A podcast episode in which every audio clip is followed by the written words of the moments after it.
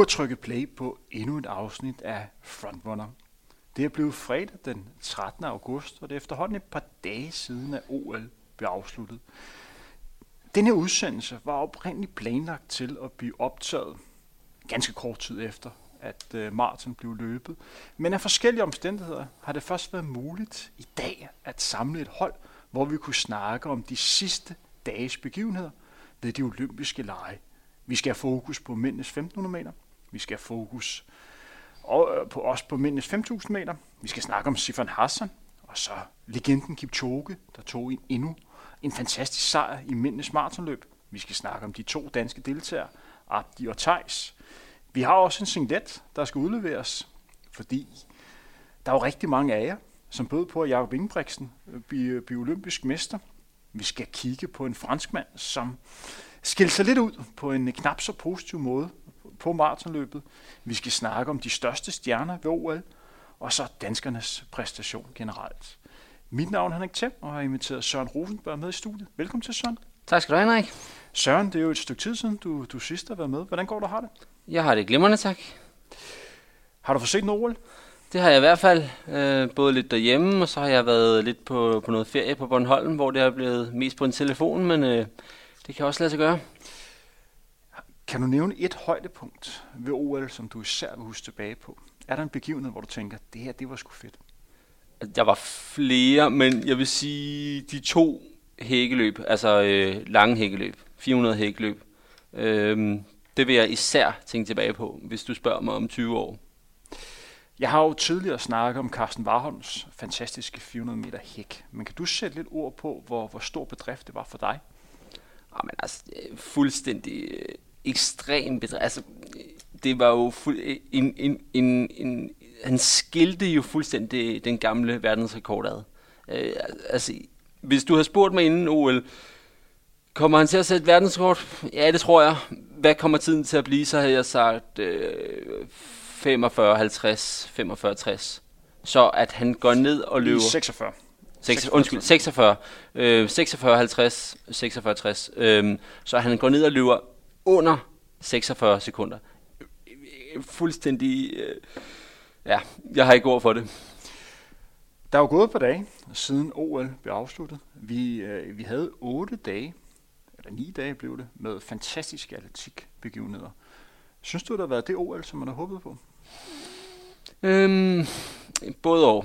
Jeg synes godt, man kunne mærke, at øh, det var et tilskuerløst OL. Og hvordan har du kunne mærke det? Jamen, øhm, jeg synes ikke, at der har været den der den samme øh, vibe, øh, og den der den samme den, øh, gnist, øh, som man har fornemme til, øh, til, til, til tidligere. Øhm, det mindede mig faktisk, øh, ja man kan sige, at, at, at Doha for, for to år siden, det var måske lidt en forpremiere øh, til, til, til et, det var så ikke tilskuerløst, men det var meget tilskuerfattigt om ikke andet. Øh, men øh, så, så de sidste, ja både denne her og, og også tidligt, der, der, der, der været, jeg synes, der har ikke været den, den, den, den samme, den der, ja, øh, gnist og du ved, den der kæmpe larm, som man har, øh, som, som jeg forbinder med, øh, med, med baneatletik. Jeg må faktisk tilstå, at jeg er blevet positivt overrasket. Øh, jeg havde lidt forventet, at jeg ville have det på samme måde, som du beskriver det, og måske endnu øh, værre. Jeg synes først og øh, fremmest, at det var nogle fantastiske atletikdiscipliner. Jeg synes, der var nogle, øh, nogle dage, som vi går tilbage i historien. Den her søndag, at vi havde, hvor vi fik en italiensk vinder på, på 100 meter, en ny verdenskort i kvindernes 60 spring og en højdespringfinale, som også var den anden verden. Øh, det synes jeg var nogle, nogle fede dage, og de her to 400 meter hækkeløb vil man også tænke tilbage på, lige så som man tænkte, da, da Bolt havde sit fantastiske 100 meter løb i 2008, eller Rhodesia da han slog verdensrekord på mændenes 800 meter i 2012. Øh, så noget af det, øh, noget af det ekstraordinært. Øh, så, så, så jeg synes faktisk, at det var et OL, hvor jeg blev positivt overrasket. Jeg var godt underholdt, men jeg kan ikke lade være med at tænke på, hvordan havde det været, hvis man havde haft tilskuer, så er det måske stået helt af. Kan du især beskrive nogle discipliner, hvor man virkelig savner tilskuer? Ja, det især på, på de korte sprint. Altså for mig, der er 100 meter, også 200 meter, det er jo indbredt af fuldstændig total stillhed, du ved. Sådan, man kan, den der lille summe, man lige kan mærke inden i sekunderne op til løbet, og så når startskud lyder, så et kolossal brøl. Altså, det er, jo, det er, jo, det er jo 100 meter for mig, ikke også? Og det var der bare ikke. Og, og det, det, tager det, altså, det, tager, det, det tager lidt af gnisten for mig. Øh, når det er sagt, de længere distancer, fuldstændig, det var, altså, det var, det var sgu et godt ord, det synes jeg, altså øh, sådan overordnet set. Men jeg synes, det, det tager lige toppen af glæden, det gør det altså. Vi to har jo snakket sammen, før vi trykkede play, og jeg ved, at du er begejstret for mændenes 10.000 meter. Hvad var det ved mændenes 10.000 meter? Vi har snakket om det tidligere. Blandt andet havde vi Joel med. Hvorfor kunne du godt lide mændenes 10.000 meter? Øhm, jeg kan som regel altid godt lide mændenes 10.000. Øh, det er fordi, at i modsætning til nogle af de kortere løb, så kan der, der kan nå at udspille sig så mange scenarier på sådan 10.000. Øhm, som jeg rigtig godt kan lide. Det var, der var øh, Steven Kissa, som, øh, som, som stikker afsted. Inden der, der er øh, Barrega og øh, Ronix Kipruto, der forsøger at lave sådan indhente ham lidt, så, så får de hælet lidt. Og du ved, der, er, der er så mange ting, der sker undervejs, uden at det er sådan et helt maraton. Øh, så, så det er den der halve time, som jeg synes er virkelig fascinerende. Og derfor så kan jeg som regel altid godt lide med øh, 10.000 meter, og den her, den skuffede ikke. Det var vel også et OL, hvor man kunne se, at afrikaners dominans ikke var så stor, som den, som den plejer. Man så i flere løbeøvelser, at europæerne faktisk var meget. Hvor lagde du noget mærke til det samme? Øh, ja, altså, øh, man kan sige, at øh, på, de, på de længere distancer, så, så er det stadigvæk øh, Østafrika, der, der dominerer. Øh, så, øh, men øh, ja, jeg vil, altså, øh, nu har vi en, øh, en, øh, en, øh, en mellemdistance øh, vinder for, for Skandinavien. Det er godt nok nogle år siden. Og Eller det, Norden. Og, og med, er, vi skal vel tilbage til Lasse Viren, tror jeg, for at finde en, øh, en mellemdistance. Eller langdistance. Der er vel også en Sebastian Coe, der vandt på 800 meter. Og der er også en Vebjørn Rodal. Men, men når vi snakker oh, ja, okay, men nu meter, jeg tænker højere end... Ja. ja. Men netop mændenes 1500 meter er jo den første disciplin, som vi skal, vi skal snakke om. Vi har jo haft den her konkurrence her på Frontrunner, hvor det har været muligt at vinde Joels singlet, hans yndlingssinglet, som han har trænet rigtig, rigtig mange pas i. Han mente faktisk, at den her var en singlet, var en årsag til, at han endte med at blive europamester, fordi den gav ham så masser af power. Og du må altså vinde, hvis man gættede den placering, som Jakob Ingebrigtsen fik til OL. Han endte jo med at blive olympisk mester. Så alle dem, som har gættet på, at Jakob vil vinde, har været med i lodtrækningen.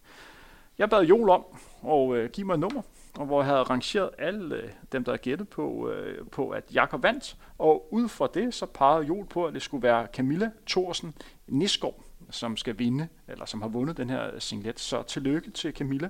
Vi skriver til dig på, øh, på de sociale medier, så du kan få, øh, få Joel singlet. Men tilbage til, til selve løbet. Hvad var det for 1500 meter løb, du så? Jamen, øh, det var jo lidt en, øh, en, en klassisk, øh, altså, klassisk taktik for, for, for, for Jakob Ingebrigtsen. Ligger så bagerst, og så omkring de der 600-800 meter, så rykker han fremad. Øh, og så, så lå han der, og så, men Chariot havde stadig fronten, og så med, var det en 150 tilbage, så synes jeg godt, jeg kunne fornemme, at, øh, det lignede som om, at, at Ingebrigtsen han havde øh, overskuddet her, og han, han rykker så forbi der, og så, ja, så tager han så, øh, så tager han så sejren i en ny europæisk rekord. Han løber jo 3.28, og vi får hele tre løber, der er under den her magiske grænse på, på 3.30. Og udover det nye europæiske rekord, så er der også en ny olympisk rekord. En rekord, som blev sat i, i semifinalen. Jakob Ingebrigtsen har 10 gange før mødt uh, Jarrett, den ja, kinesiske tabt løber. alle 10. Han har tabt alle 10. Nu får han altså sin første sejr. Efter løbet udtalte, uh, hvad kan man sige, Jakobs træner, hans far, Gert, at Jarrett aldrig kommer til at slå Jakob Ingebrigtsen igen. Er du enig i den påstand? Nej, det er jeg ikke enig i. Hvad var det, der gjorde, at Jakob vandt lige præcis den her dag? Jamen, øh, åh, det er svært at sige, men øh, jeg ved ikke, måske... Øh, det er svært at sige. Måske var Cherry tynget lidt af presset. Det, ah, det kan være så mange ting. Øh, men øh, jeg, jeg, havde, jeg havde også troet, at han ville, han ville tage den her. Fordi han har vundet 10 ud af 10 gange, og han har lige sat PR her i, øh, i Monaco for nylig. Men øh, Jakob, han, øh, det kan godt være, at han har tabt de, de foregående 10 gange til Chariot, men øh, jeg er ikke i tvivl om, at han vil gerne have tabt de 10, hvis han vidste, at øh, den 11. gang, til den gang, hvor det gælder allermest, OL-finalen, der vinder han. Jeg tror, en af årsagen til, at det blev sejr til Jakob, øh, det var den måde, som løbet blev afviklet på. Øh, fordi at Jakob går fra, faktisk frem og tager teken relativt tidligt i løbet. Jamen, han starter med at lægge sig bag. han starter med at lægge sig bag, så går han frem og med til at sørge for, at første omgang runder i de her 5-56 sekunder, som er en tid, som ikke er så lang for verdensrekorden, øh, som er på de her 3.26.0. Og så det, der så sker, det er efter 600 meter, så overlader han seten til Jared, til så, så kører den ind til Jakob løber frem til sidst. Og det tror jeg faktisk var det, som Jakob lidt håbede på. Han håbede på, at det blev et hurtigt løb, og han håbede på, at han kunne få Jared frem til at trække, så han kunne ligge i de her position 2 eller 3, og sådan blive, blive trukket rundt. Skrækscenariet for Jakob havde været, hvis det var blevet taktisk løb. Eller han skulle ligge og pace hele vejen igennem, og det var ham, der skulle sørge for, at tempoet blev, høj, øh, eller blev sat højt. Så det her løb, det udviklede sig perfekt for Jakob Ingebrigtsen. Det kunne nærmest ikke blive skrevet bedre. Og det tror jeg er en årsag til, at han ender med at få det, som jeg synes er en meget suveræn sejr. Han var jo klart bedst de sidste 100 meter. Jamen, ingen tvivl om det. Øh, helt sikkert. Men øh, jeg havde bare troet, at, at Chariot, han, han kan jo både de der taktiske løb, men han kan fandme også godt vinde de der de hurtige løb jo. Og, og det var lidt det, altså, så jeg, jeg, jeg så lidt Chariot som, at øh, han var sgu lidt øh, ubesejrlig. Øh, han, altså, han, kunne ikke, øh, han kunne ikke vinde over men, øh, fordi han kan, han kan mestre begge dele. Men, øh, og, og så en anden faktor. Det virker som om, at Jakob Ingebrigtsen kom mere frisk ind i finalen end Sherrod. Jakob Ingebrigtsen løb både indleden og semifinalen, løb han med en vis form for overskud. Og det er altså sin sag at løbe de her indledende hit, der skulle... Altså, man så mange af forhåndsfavoritterne til en finaleplads. Det udgik blandt andet den forsvarende mester. Sensovic kom jo slet ikke i finalen. Og der kunne man se en løber, som Jared skulle bruge lidt flere kræfter. Og det var måske også lidt, lidt unødvendigt, at han skulle ligge og sætte olympisk rekord i semifinalen og løbe 3.31. Der måske være bedre for ham lige at tage det lidt med ro, for det koster kræfter. Det så man også på Sifan Hassan, der havde det her vanvidsprojekt og prøvede at få tre guldmedaljer. At når man, når man lige presser over den her syregrænse, det tager bare tid øh, for lige at resultere igen. Der virker det som om, at Jakob havde fuldstændig styr på det her. Jamen, jeg er enig, og øh, det falder så også tilbage til hans øh, træner og far, Gert. Øh, vi havde jo øh, før atletiksæsonen startede en lille udsendelse, hvor vi kom med forudsigelser på, hvordan 2021 kom til at øh, ja, foregå. Godt huske. Du snakkede om, at Jakob Ingebrigtsen ville få et år, hvor han ville skuffe. Du jeg tog fejl. Han, du nævnte, at han måske ikke engang komme i finalen. Mm. Jeg nævnte, at han ville blive olympisk mester. På 5.000? På 5.000 meter. Jeg troede ikke, han ville løbe 1.500 meter. Jeg troede, han ville løbe 5.000 meter. Og jeg vil stadig holde fast i den påstand, at hvis Jakob Ingebrigtsen havde løbet 5.000 meter, så er han også olympisk mester der. Øh, jeg synes, det var et sats, han stillede op på, på 1.500 meter. Øh, jeg tænkte, der skulle stor chance for, at han, han ikke kom til at vinde. Men Jakob, han vælger ikke altid den nemme løsning, og han fik en, en flot sejr, og en meget overbevisende sejr. Det her, det er et kæmpe resultat. Han er 20 år, mand. Han er 20 år nu, og er olympisk mester. Det er vildt. Men øh, altså, jeg, vil, jeg vil så sige, at øh, hvis jeg lige skal øh, begrunde mit, øh, mit valg, det var jo, at når jeg kigger på de fleste løbers karriere, så er der som regel altid på et eller andet tidspunkt, at de lige har et, øh, hvad skal man sige, et, et off year, altså et mindre godt år, og, og, så, og så kommer de tilbage, og det tror jeg stadigvæk kan ske, men, øh, og, og jeg tænkte, det kunne godt være det her, det er hans første OL, måske han bliver lidt tynget af presset, han har vist, at han er, han er, han er en af de bedste, jeg, jeg tænkte, det kunne godt være, det tynger, jeg tog fejl, det, øh, han er stadigvæk øh, for et par dage siden var jeg oppe og havde en snak med de to løbelegender, Flem Jensen og Allan Zachariasen. Den udsendelse kommer ud i, i starten af den, den kommende uge. Og der fandt vi også lidt at snakke om Jakob Ingebrigtsen, om den her lidt overraskende dominans, som, som norsk atletik lige pludselig har, har fået. Altså, de opfostrede den ene verdensstjerne øh, efter den anden. Og der sad vi også lidt og snakke om det der med, om man kunne være, øh, om det var farligt, at han var så god øh, altså, som 20-årig. Og de var jo fuldstændig enige med, at altså, hvis du er god nok, så betyder alder ikke rigtig noget. Altså, og han er 20 år og olympisk mester. Og, og, og hvad fanden med, han kun er 20 år? Han er olympisk mester, det er fandme det, det handler om. Det er Jamen, det, man træner det efter. Er det, jo. Det, er, det er jo toppen af, af karrieren. Det er, det er et fantastisk resultat. Altså. Og der er jo ingen, der ved, hvordan det kommer til at se ud om 4-5 år. Og det kan godt være, at han har toppen nu her. Men hvad så? Han har stadigvæk vundet olympisk Jamen, det er fuldstændig rigtigt. Men, men jeg, jeg tænker bare, at når jeg kigger tilbage på de sidste 3-4 år for Jakob, ikke, så hvert eneste år, så har han taget et step, et step, et step, hvor han hele tiden hvor han har taget et skridt mere og skridt mere og skridt mere. Men du må også give mig ret i, at hvis man kigger på jamen, stort set alle løber, så på, altså, du ved, det er ikke altid bare lige øh, øh, skridt frem, skridt fra hvert år. Det er sådan lidt en bølgedal øh, for, for alle store løber, som så øh, altså går altså sådan jævnt opad, men hvor der er bølgedal undervejs. Og for mig at se, jamen, så har Jakob bare haft en, en kurve, der kun er gået opad. Og jeg det... tænker, altså, det, det kan jo ikke, det, det, altså han må jo få på et eller andet tidspunkt, så tænker så kommer der et år, hvor det ikke lige spiller, eller hvor der er skader eller et eller andet. Men Jakob har jo stort set ikke, han jo stort set ikke været skadet. Nej, men det er jo nærliggende også at kigge efter hans to store brødre her. Øh, fordi Henrik Ingebrigtsen og øh, Philip Ingebrigtsen, altså det er måske hårdt sagt, men det virker som om de begge to har toppet. Jamen jeg er enig. Øh, og, og det er jo to løber, som stadigvæk er relativt unge. Og så er man begyndt at snakke om, øh, det jeg sagde før, og er top i en tidlig alder, om de måske har trænet for hårdt i en for tidlig, øh, tidlig alder. Og det er måske også der, hvor man kan være lidt bekymret, øh, hvad kan man sige for Jakob, det er, hvor mange år kan han ligge og holde til det her niveau? Har han toppet? Men forskellen for Jakob de to andre, det er, at han har vundet olympisk øh, guld nu her. Han har nået øh, toppen af poppen. Så må vi så se, hvad der sker i, i fremtiden. Jeg tror lige nu her, har han en, en god chance for måske at sætte, uh, sætte verdenskort på, på en 1500 meter. Uh, 3.26.0 på den måde, han løb det her løb her. Det er spil. Jamen, altså, det kan man jo ikke afvise. Men uh, der, er lige, der er lige et stykke ned. Der... Man, altså, man skal jo se uh, løb, løbepræstationer som en elastik. Og jo mere man strækker den her elastik, jo, jo sværere bliver det at, at, at trække det det sidste. Så man, når man har trukket den rigtig, rigtig godt ud, og det har man altså med Jakob, når man løber 3.28, ikke? så er det altså ikke bare lige de der to sidste sekunder, ikke også? Det er altså rigtig meget, som, som den der elastik skal, skal presses yderligere, ikke? Det er, vi, det er vi helt enige med. Men han virker som en løber, som havde relativt stor overskud på de sidste 100 meter det, øh, ved OL på 1500. Det virker som, han havde mere i, i tanken. Og så er det også spændende at se, hvad kan han løbe nu på os på en 5.000 meter. Det virker som om hans niveau er rykket. Vi har fået et spørgsmål inde på de sociale medier, ja, der skrev om, om det har været en fordel for Jakob, at OL var blevet rykket et år.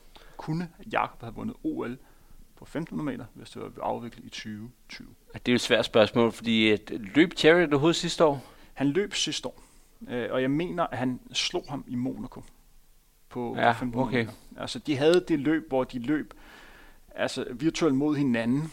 Øh, ja, det var, til, det var sådan, det var, ja. Games, hvor at de tre brødre løb i fantastiske forhold. På, ja, og så løb de i Nairobi i fuldstændig forfærdelige forhold. Og de løb i Nairobi på, øh, altså under øh, noget, jeg har sjældent set noget, der var værre. Altså, det blæste en uh, pelikan, og de løb der alene på banen. Ja, okay, men uh, jeg, vil, jeg vil sige, ah, det er svært at sige, men jeg, jeg, tror, jeg tror ikke, Jakob havde vundet sidste år. Det tror jeg heller ikke. Jeg tror, det var en fordel for ham, at han har fået et ekstra år til også at få lidt mere, lidt mere rutine til at løbe de her mesterskabsløb. Og så tror jeg, det var en fordel for ham, at han kun havde et løb, han skulle forholde sig til.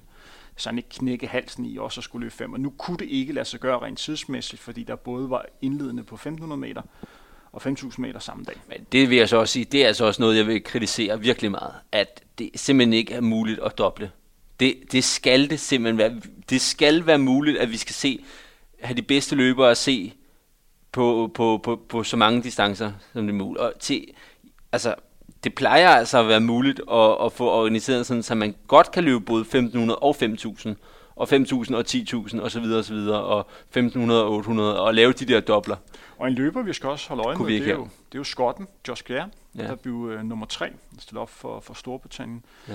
Sætter uh, ny øh, rekord ja. øh, med, eller en ny nationsrekord med de her 3.29. Ja, der er lige Mo Farah, som er bedre. Nå ja, det, det er rigtigt, men altså, jeg tænker på ny skots rekord. Åh oh, ja, okay. Ja. Ja. Og, og virker også som en løber, som er relativt meget i tanken på de sidste 100 meter. Ja, det er vel en løber, man skal løje med i fremtiden. Ja, det vil jeg da bestemt sige. Uh, han slår jo, hans, uh, som også var med i løbet, som jeg havde faktisk troet skulle være den skotte, der skulle have troet. Jake Whiteman. Jake Whiteman lige præcis. Som så stærk ud indledende. Det gjorde han nemlig, og vandt, uh, vandt sin semifinale der, men uh, han, øh, han havde det altså ikke i finalen. Og det er jo, og det er jo der, hvor altså, man må sige, at øh, jamen, du kan jo være nok så stærk i både øh, indledende og semifinalen, men altså, det er i finalen, du skal vise det. Og, og det, det er der, han. hvor at øh, 1500 meter er bare en anderledes chance end den næste, vi skal snakke om, 5000 meter. Det er, at bare en lille fejl, så kan spillet være kørt på en 1500 meter. Hvor på en, på en 5, der er lidt mere tid at gøre godt med. Ja øh, især hvis det bliver et hurtigt løb, som det endte med at blive på, på mindes 5.000 meter. Lad os gå i gang med det. Det blev en sejr til Joshua Cheptegei, manden med øh, verdensrekorden, som han satte. Ja, det er stort set år siden. Han satte det nu i Monaco.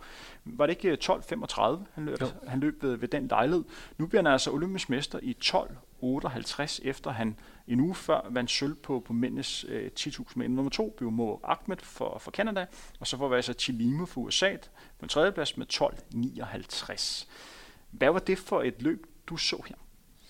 Øh, jeg må sige, jeg synes, det var lidt kedeligt løb, det må jeg indrømme. Øh, kan du sætte ord på, hvorfor du synes, det var kedeligt? Jamen, øh, jeg, jeg, jeg manglede nogen, der ligesom øh, prøvede et eller andet, eller gjorde, altså for mig, der, ja, jeg, jeg synes, at øh, der skete ikke rigtigt, det var sådan lidt, ja, sådan nogenlunde stabile omgangstider. Jeg, jeg, jeg, jeg synes, at, øh, at, at, at det var først, det mindede mig lidt om sådan en, en, en, en flad Tour de France-etappe, øh, sådan en, på sådan en 180 km, der ender med en masse spurt. Det var jo et løb, hvor Uganda rimelig hurtigt gik frem og øh, tog teten. Øh, de havde Oscar Guillermo, Jakob Guillermo. Jeg tror ikke, de brødre, de to, de hedder bare tilfældigvis det samme til efternavn, så Joshua Cheptegei. De gik frem og så havde sådan, øh, hvad kan man sige, kilometertider mellem 2.35 til, til 2.40. Mm. Efter 3 km, der gik tempoet faktisk ned. Mm. Altså, der havde de den, den langsomste kilometer, og, og der bliver jeg faktisk lidt bekymret for Joshua Cheptegei der. Fordi hvis man vælger at gå frem og sætte tempo på, så skal man holde et stabilt højt tempo hele vejen igennem. Og hvis man ikke holder det her stabile tempo, så er det typisk fordi, at der er et eller andet, der ikke spiller. Så er det fordi, man ikke helt er der, eller begynder at blive bekymret for, at der er nogle andre, der, ser stærkere ud, og dermed vil slå ind til sidst i en slutspurt. Så jeg så det som et sværhedstegn, at tempoet blev, øh, blev sat øh, ned. Jeg skal lige nævne, at mens, øh, mens 5.000 meter blev afviklet, så jeg skrev med Tejs, øh, som sad i Tokyo og så det selv samme øh, løb. Og han var enig i mine betragtninger. Vi var også opmærksom på, at det kunne godt ende med et drab i spurtopgør. Øh, hvor vi var lidt usikre på, om Joshua Cheptegei ville, ville køre den her. Og det kunne faktisk godt være en løber, som, som man ikke kender så meget her i Europa, men sådan en løber som kanadieren Justin Knight, som er god i de her øh, taktiske løb, eller kan komme med en anden løber, som vi må, måske ikke har regnet så meget med, fordi når det bliver et taktisk løb, så kan alt ske til, til, til sidst. Men det ender så med en, en sejr til, til Joshua øh, Chipchikai. Og han står nu her både som verdensrekordholder på 5.000 meter og på 10.000 meter. Han har vundet verdensmesterskab i, i cross, og nu har han så også vundet verdensmesterskab på, på banen på 10.000 meter, og nu olympisk mester på, på 5.000 meter. Også fået medalje ved VM på, på halvmarathon. Han har vel en relativt tidlig alder skrevet sig ind nu som en af de største løbere gennem tiden. Ja, det vil jeg afgøre også. Og jeg tænker også, øh, hvad hedder det, nu når jeg cyklede ind til dig, Henrik, at øh, jeg kunne egentlig godt se, at, at Cheptegei, han øh, om nogle år måske tager skridtet op til maraton. Og øh, der kan jeg, altså, jeg, jeg kan godt se, at han har, øh, han har udholdenheden til også at gøre sig gældende der. Det er vel det, der er det næste skridt øh, for ham. Øh, det er vel og langsomt at begynde at løbe lidt flere baneløb. Han løb jo det her halvmaratonløb ved verdensmesterskab. Landevejsløb, mener du? Ja, landevejsløb, ja. Øh, han løb jo det her verdensmesterskab på, på landevej på halvmaraton i, øh, i Polen. Øh, hvor han var, var med øh, langt hen ad vejen, men øh, jeg tabte lidt terræn ja, han havde ikke de slutningen. Øh, og dermed, øh, jeg endte han ikke på en tredje plads. Fjerde plads, mener jeg, det var. Var den fjerde plads? Ja, det var. Ja. Og det var så et, et par uger efter, han havde sat, øh, sat verdensrekord på, øh, på 10.000 meter. Øh, så du tror, det er, det er maraton? Vi vil få set ham i øh, Jeg tror ikke i Paris øh, om tre år, men øh, jeg tror, at øh, efter det, så kunne jeg faktisk godt se, at efter Paris, øh, så prøver han at sætte om. Fordi jeg, jeg ser, at han tager i hvert fald en guld, måske også to guld øh, om tre år. Og øh, så kunne jeg godt se, at øh, også fordi det er lidt ukendt med Paris, der er noget med, der kommer en ny øh, løbedisciplin, altså noget cross stafet eller sådan noget. Der kommer noget cross øh, Hvordan spiller det? Kunne han noget, stiller han op det? Altså, der er lidt ukendt der. Men øh, hvad hed det, det, efter, efter Paris, så kunne jeg godt se, at han laver et skifte over, øh, over mod øh, til landevejsløb, halvmarathon, og ja, måske også marathon. Og der kan jeg virkelig godt se, at øh, der kan han også gøre en, øh, en øh, hvad skal man sige, impact. Jeg har jo tidligere i en af de her frontrunner-udsendelser peget på, at det skulle være hans landsmand, Jakob Kiplimo, der vil være den første løber, der lå under to timer på maraton i et regulært løb. Jeg er godt klar over, at Kipchoge har gjort det tidligere, men det var det der opstillede løb i, i Wien. Årsagen til, at jeg stadig holder fast i Jakob Kiplimo, det er, at han er lige et par yngre end, øh, end Cheptegei. Han har en ufattelig god speed, Øh, han har løbet rigtig, rigtig hurtigt på, på, på en 3000 meter. Jeg er godt klar over, at Josh Cheptegei også har løbet stærkt på, på en 5'er. Men Jakob øh, Kiklimo har endnu tidligere end Cheptegei vist, han også har evner på de længere distancer. Han har løbet en af de hurtigste tider, der nogensinde har løbet på, på halvmarathon-distancen, og blev ikke også verdensmester på, på halvmarathon. Det mener han blev øh, ved løbet i Polen, så hvis jeg skulle nævne løberen, som jeg tror, der er det bedste bud på kommer to timer øh, på maraton lige nu her, øh, så vil det være Jakob Klimo, fordi han er ung, og fordi han har speeden, og han har udåndhed, og der, han kan rykke sig endnu mere. Men jeg tænker også, netop fordi han lige er de par år yngre, så tænker jeg, jamen, så vil han måske også lige blive lidt længere på banen end Cheptegei. Sådan så, at, øh, at, at der er måske lige en, øh, en guldmedalje, som, han lige, som, som når Cheptegei er, er, er gået op i distance, som, øh, som, øh, som øh, Kep, hvad hedder han, Kep, hvad hedder han nu? Kep Limo gerne vil have. Ja. Og så en ting, vi også lige skal, skal nævne, at vi er jo vant til at se øh, kenianer og etioper, der ligger og dominerer de her, de her løb. Og øh, altså, jeg har været lidt efter Kenya i de her OL-udsendelser, synes de ikke har levet helt op øh, på deres topniveau. De ender jo trods alt med at få et, et hederligt OL, fordi de får en, de får en del medaljer, får også en, en del uh, titler. Men et land som Etiopien har jo grundlæggende skuffet. De har Berega, som bliver verdensmester på, på 10.000 meter. Men altså, de får ikke medalje på, på mændenes øh, 5.000 meter. De er jo også helt væk på det løb, vi skal snakke om, om ikke så lang tid, nemlig mændenes maratonløb. Hvorfor er Etiopien helt væk i øjeblikket? Jamen, jeg ved det ikke. Og de, de, de, er jo også, de har også gode 1.500 meter løber. Der viser de jo heller ikke noget, jo. Altså, øh, det har virkelig været skuffende øh, OL for, for Etiopien. Øhm, det er svært at sige. Måske corona har ramt den. Det kan være, at, at øh, man har før hørt, at der er nogle øh, af de her østafrikanske løbere, som, øh, jamen altså, øh, hvis de ikke ligesom har et eller andet løb at stile mod, jamen så løber de ikke. Det bliver i hvert fald spændende at se. Så måske de har blevet ramt af corona på en eller anden måde. Det, det, det er svært at sige. Det bliver i hvert fald spændende at se, hvad der kommer til at ske i de, de kommende måneder. Fordi der vil jo være... Altså, Diamond League står til at blive afviklet nu her. Der er 5-6 løb, øh, som står øh, parat til at blive afviklet over den næste måned. Så kommer de store landevejsløb. Vi kigger frem mod et efterår, hvor vi står, har alle medierne der står til at blive, blive afviklet.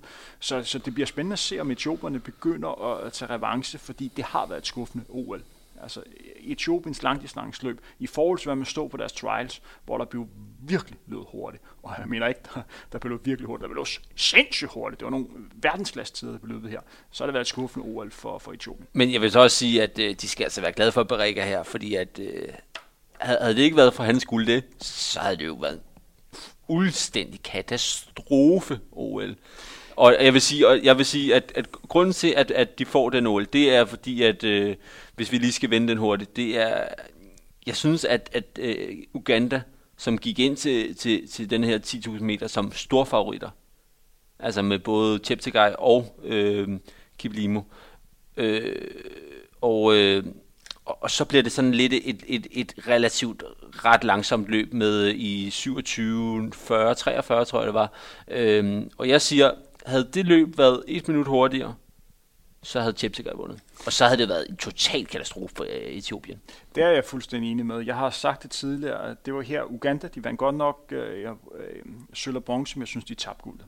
Ja, fuldstændig. Altså, de kan kun takke sig selv for, at de, at de ikke også vandt øh, det OL-guld, fordi de forærede sejren nærmest til Berlega, fordi det blev, ja, det blev stort set en lang spurt øh, til sidst, og der er Berlega bare øh, god, ligesom er jeg også overbevist om, hvis Jacob Ingebrigtsen er med på den her femmer, så er han vundet.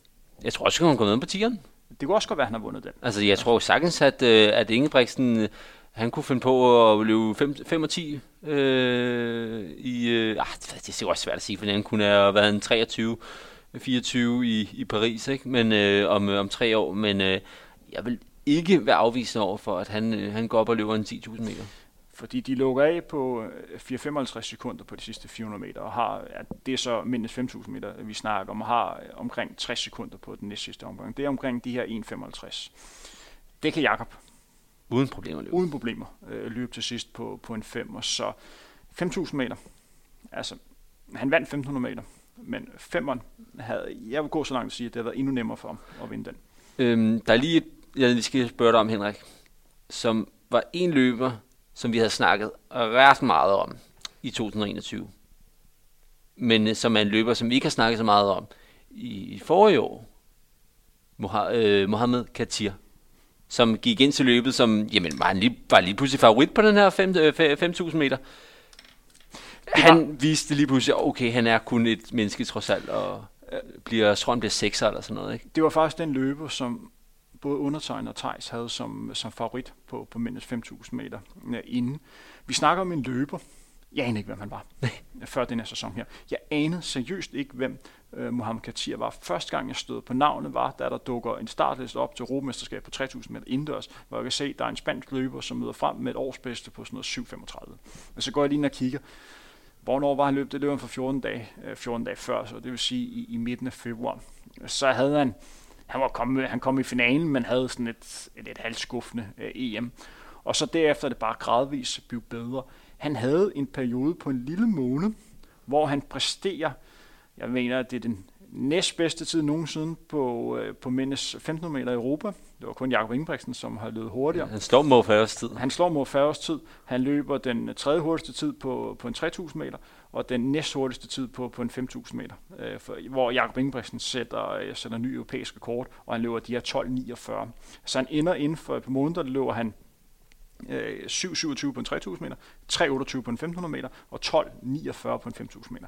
Det har jeg aldrig set en europæisk løber før på sådan en, en kort periode. Mo har ikke gjort det. Jakob Ingebrigtsen har niveau til det, men har ikke gjort det. Og det, og det, værste, og det vildeste er, at det er jo et fuldstændig ubeskrevet blad. Han, han kom nærmest øh, du ved, fuldstændig ud af luften. Og, og jeg var overbevist om, at det var en løber, som var i stand til at få medalje, og nok også vinde det her løb. For jeg kunne ikke se ham, hvem der skulle spurgt, spurgt frem. Det man så ser i, i løbet, det var, at han viser øh, et tydeligt tegn på, på træthed, da der mangler 3-4 omgang. Ja. Og, og hvad det så skyldes, at han har toppet for tidligt, eller presset har været for stort, eller noget tredje, det aner jeg ikke. Men da løbet bliver rigtig sjovt, der er han slet ikke med. Det bliver spændende at se, hvad der kommer til at ske med ham i de, de kommende øh, løb, om han slutter sæsonen nu, eller kommer tilbage og viser, at han havde en, en dårlig dag. Men jeg, jeg tænker på, skulle han være gået med 1500 meter i stedet for? Altså, han, han har vist, når man løber 3.28, så er man altså i spil til medaljer han i slog, den grad. Han slog Jakob Ingebrigtsen. I, i Monaco, men Jakob havde været lidt sløj op til. Øh, Jakob havde ligget med, med halsbetændelse øh, op til, at var ikke helt på toppen. Men han, han viste der, at med, med, med 3.28 han kunne være med øh, omkring medaljen, og det kunne godt være, at, at det har været bedre for ham øh, at løbe den her 1500 meter. Det kunne også godt være, at det var 10.000 meter, mm. øh, han, som har ligget endnu bedre. Vi har talt jo tidligere om, hvordan løbet udvikler sig. Og, altså, og det her er en af de mest største freak-sæsoner, jeg nogensinde har set, fordi det er fuldstændig vanvittigt, at en løber øh, kommer op på, på det plan. Altså, vi har jo en løber som Mo Farah, som er en af de største løber, vi har haft igennem tiden og det tager ham tre uger at slette ham. altså, det er jo fuldstændig vanvittigt. så bliver han bare slettet. Jeg er godt klar over, at han har nogle titler mod færre, men det betyder også lidt, hvor hurtigt man har løbet. Ja, så er der så også noget med sko, og der var også noget med især, øh, at der er nogle, nogle nye løbebaner, som, som, som hjælper løberne. Sådan noget. Men stadigvæk. Det er, det er stadigvæk helt ekstraordinært. Fuldstændig. Men skal vi ikke hurtigt blive om, at mindst 5.000 meter er vi ikke være et løb, som vi husker? Nej, overhovedet ikke. Ja, fordi at øh, en af de ting, som vi også har fokus på her, det er at finde den næste store sådan, løbesuperstjerne. Hvem skal overtage for Mo mm. Farah? Hvem skal overtage i forhold til Bekele og Haila Kibislassi? Jeg er godt klar over, at vi har en legende på maraton, der hedder Kipchoge, men det er en anden snak. Chipchikai er ved at være derhen af men mangler lidt attitude. Ja, jeg mangler, synes lige, skulle lige til at sige lidt den der power. Ja, det gør han nemlig. Han, der, der mangler lidt sådan lidt, lidt, lidt, hvad skal man sige, sådan swag. Altså, der mangler sådan lidt... Øh, ja, attitude er måske det bedste ord for det egentlig. Sådan. Og der er det anderledes på mindst 5.000 meter, for der har du lidt mere. Jakob Ingebrigtsen har det. Altså, vi har også snakket lidt om nogle tatoveringer, der måske ikke sidder helt i skabet. altså, men, men det er en anden snak. Det vil komme ind på en anden tidspunkt. Jeg har hørt også Mads Tersbøl, han, han kaldte hans øh, hovpragt øh, en, en fesen omgang. men han har det, som en af de for, foregående udsendelser kaldt White House Potential. Det har Jakob Ingebrigtsen. Og det er der flere af de der 1500 meter løbere, der har. Joshua Cheptegei har det i forhold til hans niveau men i forhold til udstråling, der er han der helt ikke. Der er han der ikke helt endnu. Men altså, øh, løber også bare forskelligt. Altså, og øh, hans resultater taler for sig selv. Og det er jo det, der i sidste ende tæller. Øh, det, det er ikke, hvordan deres attitude er, det er, hvordan de løber, og hvordan de vinder. Men øh, hvis vi kort, inden vi går videre, hvis vi skal lave en top 3 over de, øh, de største løber på, øh, på banen i, igennem historien. Det er jo altid sjovt at lave. Altså mandlig? Mandlig. Øh, den største, Bekele. Bekele. Øh, Selassie. Ja. Nummer to. Og så Mo. Og så, og, og så Mo, der ligger, og så Jeptikai ligger på en fjerdeplads. Ja, ja, ja, ja, så er jeg enig, ja. Det er vel der, den ligger lige nu her. Øh, ja, ja, det, altså, ja, okay, det er jo også svært, fordi så tænker man, hvordan øh, i, hvor, hvor langt skal man gå tilbage, ikke? Og, og vi... Og, når, nu er det vores liste, så. Ja, ja, selvfølgelig ikke, men øh, hvis vi, ja, lad os bare sige, øh, hvis vi holder os til sådan en nyere tid, fordi ellers er det altid lidt med, hvor meget skal man tillægge gamle dage og sådan noget, men ja, hvis, øh, så, nyere tid, så er det de tre, fire. Det næste, vi skal snakke om, er Sifan Hassan, kvinden, som stiller op med den umulige mission at vinde tre gange guld ved OL. Hun satte på at vinde guld på 5.000 meter, 10.000 meter og 1.500 meter. Efter at vinde rigtig flot sejr på, på kvindernes øh, 5.000 meter, røg hun lidt ned på jorden på, øh, på kvindernes 1.500 meter, hvor hun simpelthen blev spurgt besejret på den sidste omgang. Der var simpelthen nogle løber, der bare var bedre end hende på, på dagen. Så jeg begyndte at snakke om, om presset var for stort, der var for mange løb, men hun viste allerede dagen efter, at hun var på toppen igen, hvor hun vandt det, det man godt kan kalde en meget overbevisende sejr på, på kvindernes 10.000 meter. De andre løbere, hendes konkurrenter, prøvede, hvad de kunne at sætte den af. Ja, gjorde de også det, Henrik. Jeg må sige, jeg, først vil jeg lige sige, Sivan, altså, en, hun er jo en maskine, utrolig præcis. Hold op, hvor er det vild med en triple.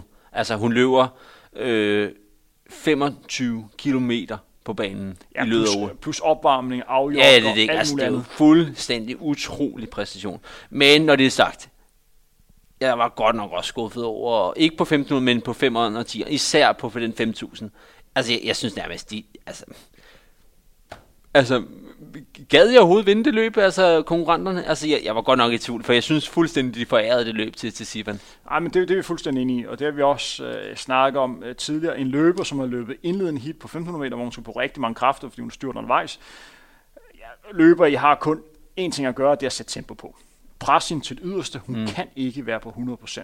Men ja, det virkede trods alt for mig på kvindernes 10.000 meter, at de andre løber prøvede at sætte hende lidt under pres. Ja, men jeg synes stadigvæk, øh, at øh, det går være, det var svært, fordi øh, at, at forholdene var jo selvfølgelig også virkelig, virkelig varme. Ikke?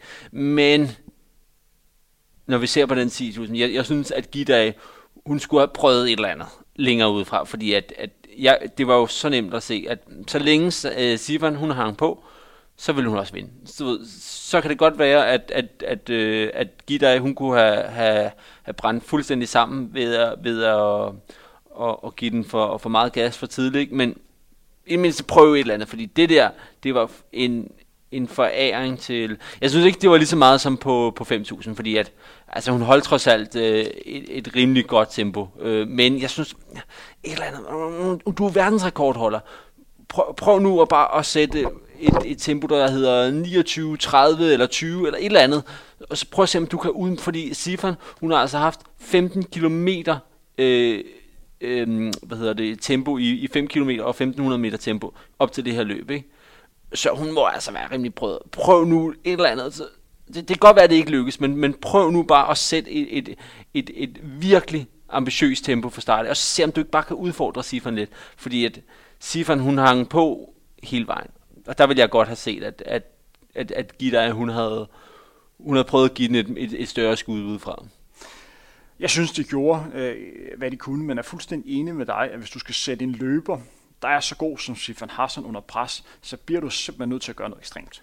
Altså, så bliver du nødt til at satse på, okay, jeg har simpelthen flere kræfter end hende på de sidste 400 øh, meter, som de gjorde på, øh, på kvindernes 15, på 1500 meter, eller så sæt et, et dræbende tempo undervejs på den her 10.000 meter, som bliver presset, eller lave lidt noget, noget jo-jo-løb undervejs, så hun mm. rent taktisk bliver udfordret. Men jeg synes at mindst, at de, de prøvede noget. Jeg tror bare ikke, de kunne mere på... Øh, Nej, du, du er nok ret, men, men så, så kunne altså, jeg, jeg vil bare, så, så skulle hun bare blæse afsted de første 5.000. Bare, bare for at se, om der skete et eller andet. Blev Sifan presset, altså et eller andet, fordi at Gidej, hun kommer fuldstændig frisk ind til det her løb. Altså Etiopien, de har en eller anden regel om, at øh, der var ikke nogen deres løber, der kunne doble. Så, så Gidej, hun kommer ind fuldstændig frisk til det her løb prøv nu bare at gøre et eller andet. Altså, du bør jo vide, at Sifan, hun har været i to konkurrencer, eller hun har været i løbet to discipliner inden det her. Prøv nu bare et eller andet. Så det kan godt være, at det ikke kan lade sig gøre, fordi at Sifan er en, altså en, en altså et, et overnaturligt god menneske, øh, som en maskine, men prøv nu bare et eller andet. Og ja, ja, det kan godt være, at de ikke kunne, men altså for mig, der virkede det...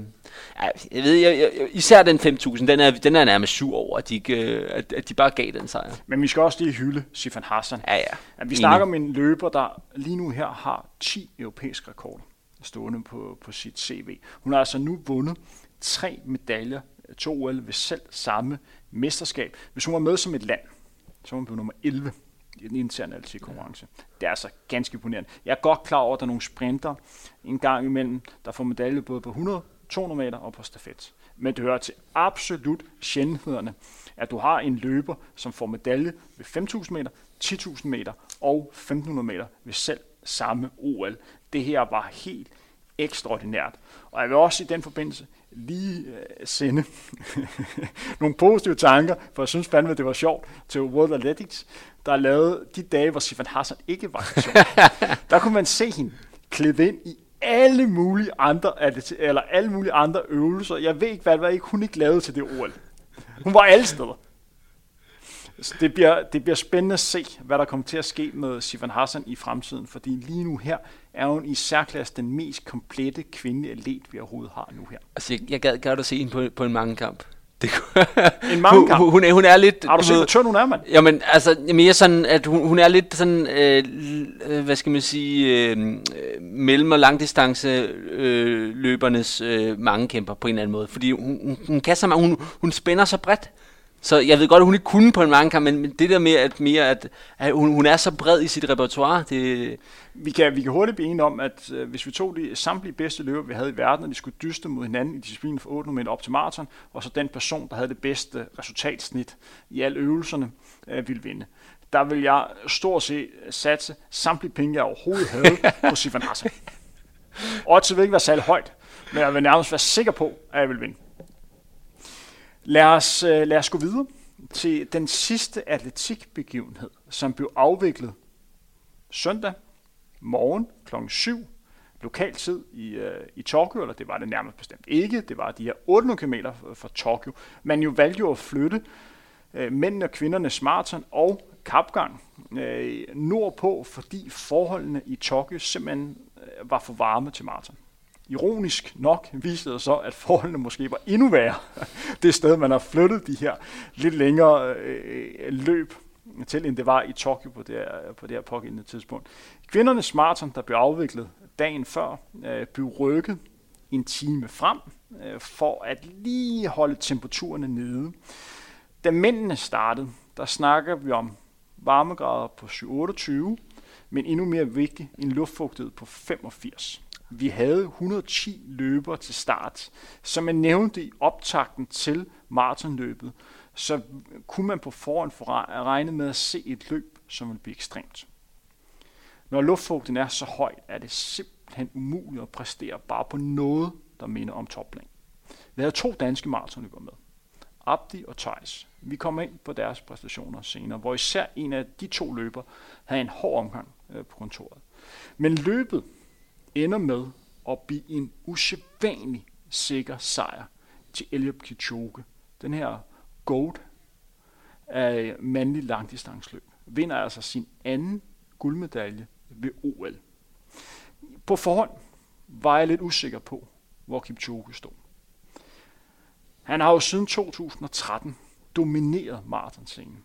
Han har opnået det ene fantastiske resultat efter den anden. Det, der er specielt med Elie Kipchoge, det er, at han laver ikke fejl på maraton. Første gang, man så ham være lidt udsat, var da han blev nummer 7, eller var det 8, 8. ved øh, London Marathon i efteråret øh, 2020. Og det var altså det første løb i rigtig mange år, hvor han ikke har vundet suverænt. Han snakkede efterfølgende om, at han har problemer med ørerne. Og, og det var et løb, hvor han havde det svært. Så var han med i et opstillet maratonløb på øh, en lufthavn i Holland. Jeg var ikke særlig vild med begivenheden. Jeg synes, det var, øh, ja, det var så langt fra, hvad jeg godt kunne lide med løbesporten, som noget kunne være. Men han viste, at han var tilbage. løb øh, 204, 205 ved den lejr. 234, tror jeg. 234, men stadigvæk var man lidt usikker. Ja, for der var jo ikke en løber i nærheden. Der var slet ikke i nærheden. Altså, de løber, han dyste med, var, var løber, som var, var flere øh, niveauer øh, mod hinanden. Det svarer lidt til, at Abdi, han, øh, jamen, hvem skal han dyste mod, bare for at svare, ja, øh, for at sammenligne. Ja. Altså, han skulle have løbet mod øh, måske øh, øh, sådan en 2.25 løber eller sådan noget. 2.25 løber ja. på maraton. Altså bare lige for, for at sammenligne, hvor vi er det henne. Men løb udvikler sig sådan, at du har en, en større gruppe, øh, der, ligger, øh, der ligger samlet og kører i, i et højt tempo, men ikke et tempo som, som presset øh, Kipchoge. Og i de sidste 10 km viste han bare, at han var et niveau bedre end alle andre. Han vinder med den største margin nogensinde på, på, på mændenes maraton, tror jeg var 1 minut og nogle 30, nogle 30 sekunder i, i 2.08. Og jeg vil bare lige sige til folk, husk at nyde ham. Det er en konge, det her. Det er en legende. Det her, det er simpelthen løbesporten. Det er Martins Messi, I ser her. Jeg kan ikke garantere jer, at I kommer til at se en løber, der er så suveræn, som det I så her. Så gå lige tilbage igen. Hvis I elsker løb, gå lige tilbage og så nyd Kipchoge. Fordi vi ved ikke, hvor lang tid, at man kommer til at se ham igen. Fordi det er godt nok en mester. Kæft for han sej. Kipchoge er den største af alle på maraton. Og der er, der er ingen, altså, for, for at sætte det, altså, vi skal ned på, der er ikke nogen på anden pladsen. Vi skal ned på tredje pladsen for at finde, fordi at så stor, så suveræn har Kipchoge været, at, at der er simpelthen ikke nogen anden plads, derfor, der er ikke nogen, der fortjener at komme på anden pladsen, fordi at, at, at Kipchoge har været så meget bedre end alle andre på maraton i de sidste 10 år. Altså, og jeg må bare sige, jeg var også, jeg havde lidt som dig, Henrik. Jeg var også lidt, øh, hvor, hvor, hvor, hvor står Kipchoge inde, fordi at han havde netop været ubesejret i så mange år, og så havde han lidt det der løb, hvor i London, hvor man siger, er det Kipchoge, der er på vej ned? Ser vi, at, at, at kurven er, er vendt nu? Eller, eller var det bare en, en, en, et freakløb, som var ligesom sådan en outlier? Så hvor, hvor, hvor står Kipchoge? Jeg må bare sige, Kipchoge, han er tilbage på toppen, og han, han, han, han står der rimelig suverænt alene. Jeg havde på forhånd regnet med, at du godt kunne se en sejr til hans landsmand Tirono, som har løbet rigtig stærkt mm. i sin Og vundet nogle løb også, og, og vundet nogle, nogle store løb, og viser sig som en løber, som er klar til at tage over. Og han virker som en løber, som var ekstremt sulten, og han har været god i de her taktiske løb. Og så er jeg også fedus til de etiopiske løber. De stiller op med et relativt godt hold, men resultatlisten øh, viser, at der er jo ikke en eneste af de her store etiopiske stjerner, der kommer i mål. Nej. De udgår alle sammen. Og den første af dem udgår allerede inden for de første 10 km. Jamen, altså, og, og det er relativt tydeligt et maratonløb at give fortabt efter 10 km. Så må du kunne mærke et eller andet, før løbet starter. Altså, hvis man synes, at øh, Etiopien havde et skuffende løb på, på banen, ikke, så var deres maraton, det var jo en altså, en katastrofe. Altså, kæmpe katastrofe. Skal lige være med her. Da vi, da vi sad her for ja, lidt, over, lidt under halvandet år siden, og da vi øh, snakkede om øh, OL der i januar og februar måned sidste år, ikke? og så sad vi og kiggede frem mod for, OL Marsen, ikke? Øhm, så var det altså, at øh, der var Kipchoge, men derefter var det ren Etiopien. At de 10 bedste maratontider, øh, altså de 10, 10 bedste tider sat i maraton, der var de 8 af dem etiopiske løbere. 8 ud af 10 var øh, etiopiske løbere. Så de havde jo et kæmpe, altså de, altså, de havde så mange gode løbere at vælge mellem. Og de havde flere, der var løbet under 203. De havde Bekele, der var øh, løbet 201. Havde så kæmpe bredde i toppen, toppen af, af Martens-scenen, ikke? Og så ender det med en kæmpe farse, hvor at, øh, alle tre udgår. At, ah, men altså, det er jo ja, altså, chokerende altså, dårligt. Vi, chokerende dårligt. Vi er, vi er derude med, at vi godt kan lave en samling med Etiopien og Brasilien i fodbold.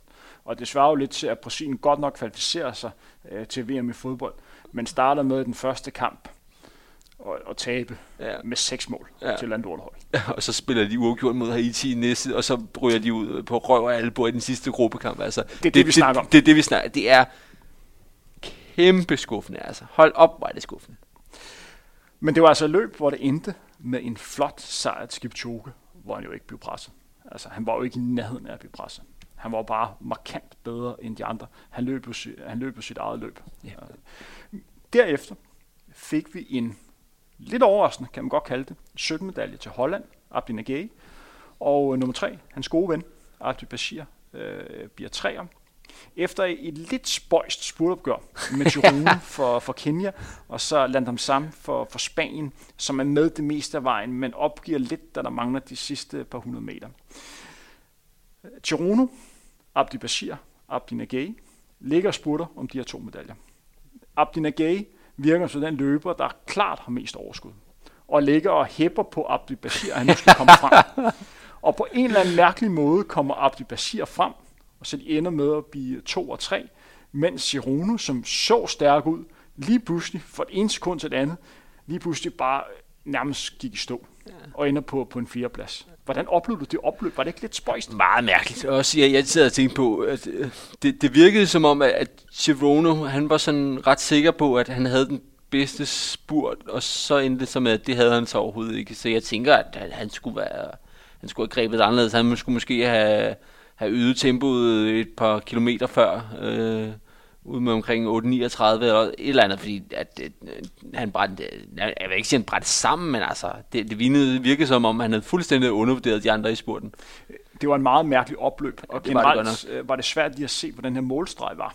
Altså, så, så, så det var svært lige at se, hvornår var det, øh, at de var i mål øh, Abdina Gay virke som en løber, som havde sindssygt meget overskud til betragtning af, hvor hårdt det her løb havde været mm. under de her forhold, og der kun manglede 100 meter. Fordi han havde både tid til at spurte, og både tid til at hæppe på sin landsmand, og så kunne han også øh, juble, og samtidig kunne han løbe som ikke landsmand. Nej, med hans, øh, hvad kan man sige, hans, hans ven. Ja, ja. De, er, de er rigtig gode venner, ja, ja. de her to. De har begge to øh, en fælles fortid for Somalia, og de træner sammen øh, i samme træningsgruppe. De har hinanden rigtig, rigtig tætte, og de er blandt andet også rigtig gode venner med øh, Mo Farah. Altså, de har jo alle sammen genetik for, for Somalia, og det er mm. også øh, løber, Ligesom en anden Abdi også Det er også en løber, så, eller løber også, som Abdullah har et godt forhold til. Altså, de her somaliske løber, som stiller op for hver deres europæiske land, har bare et specielt bånd til hinanden. Altså, øh, de, de støtter hinanden, de, de hjælper hinanden, og de hæpper på hinanden, og, og øh, har det generelt rigtig, rigtig godt med, med hinanden. Men det var et lidt øh, spøjst opløb. Øh, jeg havde på forhånd regnet med, at vi ville få nogle europæer, som godt kunne få medaljer eller komme top 5. Jeg havde de her to løber, øh, Abdi Bashir og Abdi Nagege som løber, som godt kunne komme top 5 på en god dag. Jeg havde også en løber som Callum Hawkins, som, som jeg troede, at den her slags øh, løb, du sidder og står der for brystet, jeg ved, du godt kan lide Callum Hawkins, men sådan en slags løb under ekstreme forhold vil ligge godt til ham. Han har jo tidligere kommet top 10 ved OL, og to gange træk ved nummer 4 ved verdensmesterskab. Det har han gjort både i 17 og 19. Ja, så, så der er en løber, som, hvis han rammer dagen, godt kan være på de absolut bedste. Han havde bare ikke dagen her. Nej, det må man sige. Desværre. Øh, og, og, det var, øh, og det var ærgerligt. Det næste, vi sådan skal have, have fokus på nu her, det er jo danskerne. Altså, skal vi også lige vende kvinderne? Smart. Vi vender kvinderne. Okay. Altså Martin. Martin, ja. Øhm, ja, det var også lidt, lidt af det samme. Og der var jo en af, af, af hvis, I, hvis jeg skal udpege en af de præstationer, som jeg vil måske øh, huske mest, så er det Molly Seidel på kvindernes marathon. Som bliver tre. Hold kæft, hun løber fedt. Nej, en altså kæmpe...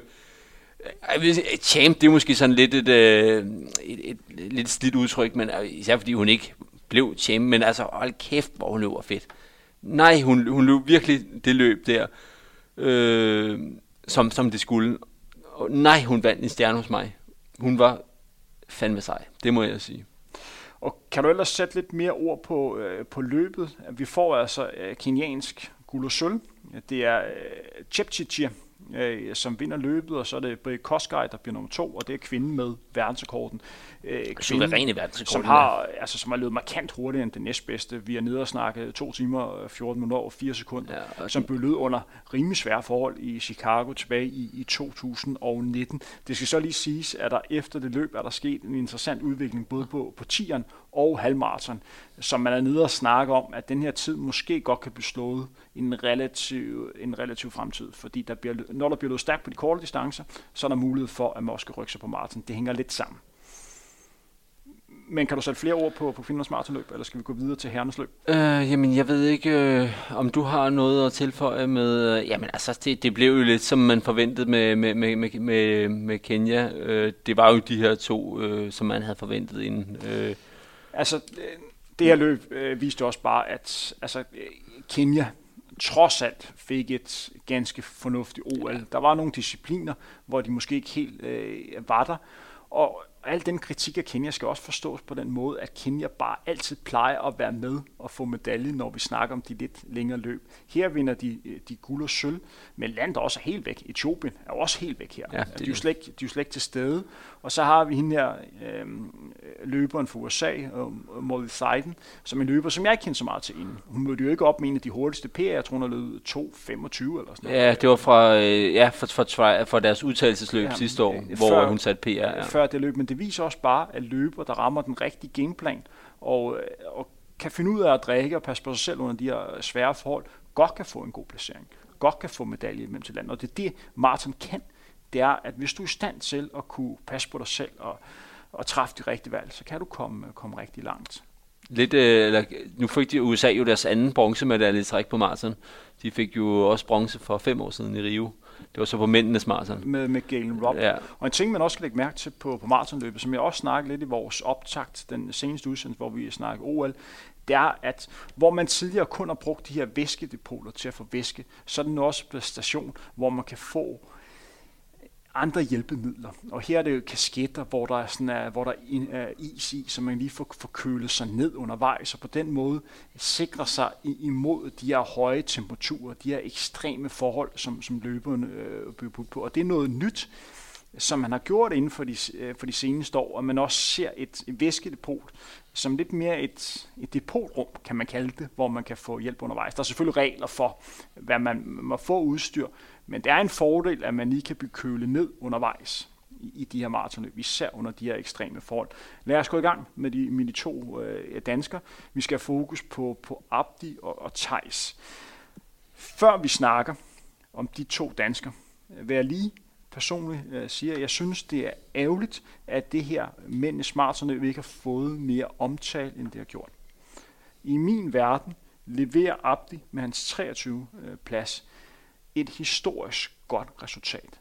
Abdi træder nu ind på scenen som en af de største løber, vi har haft. Det kan vi godt tillade at kalde ham i langdistance.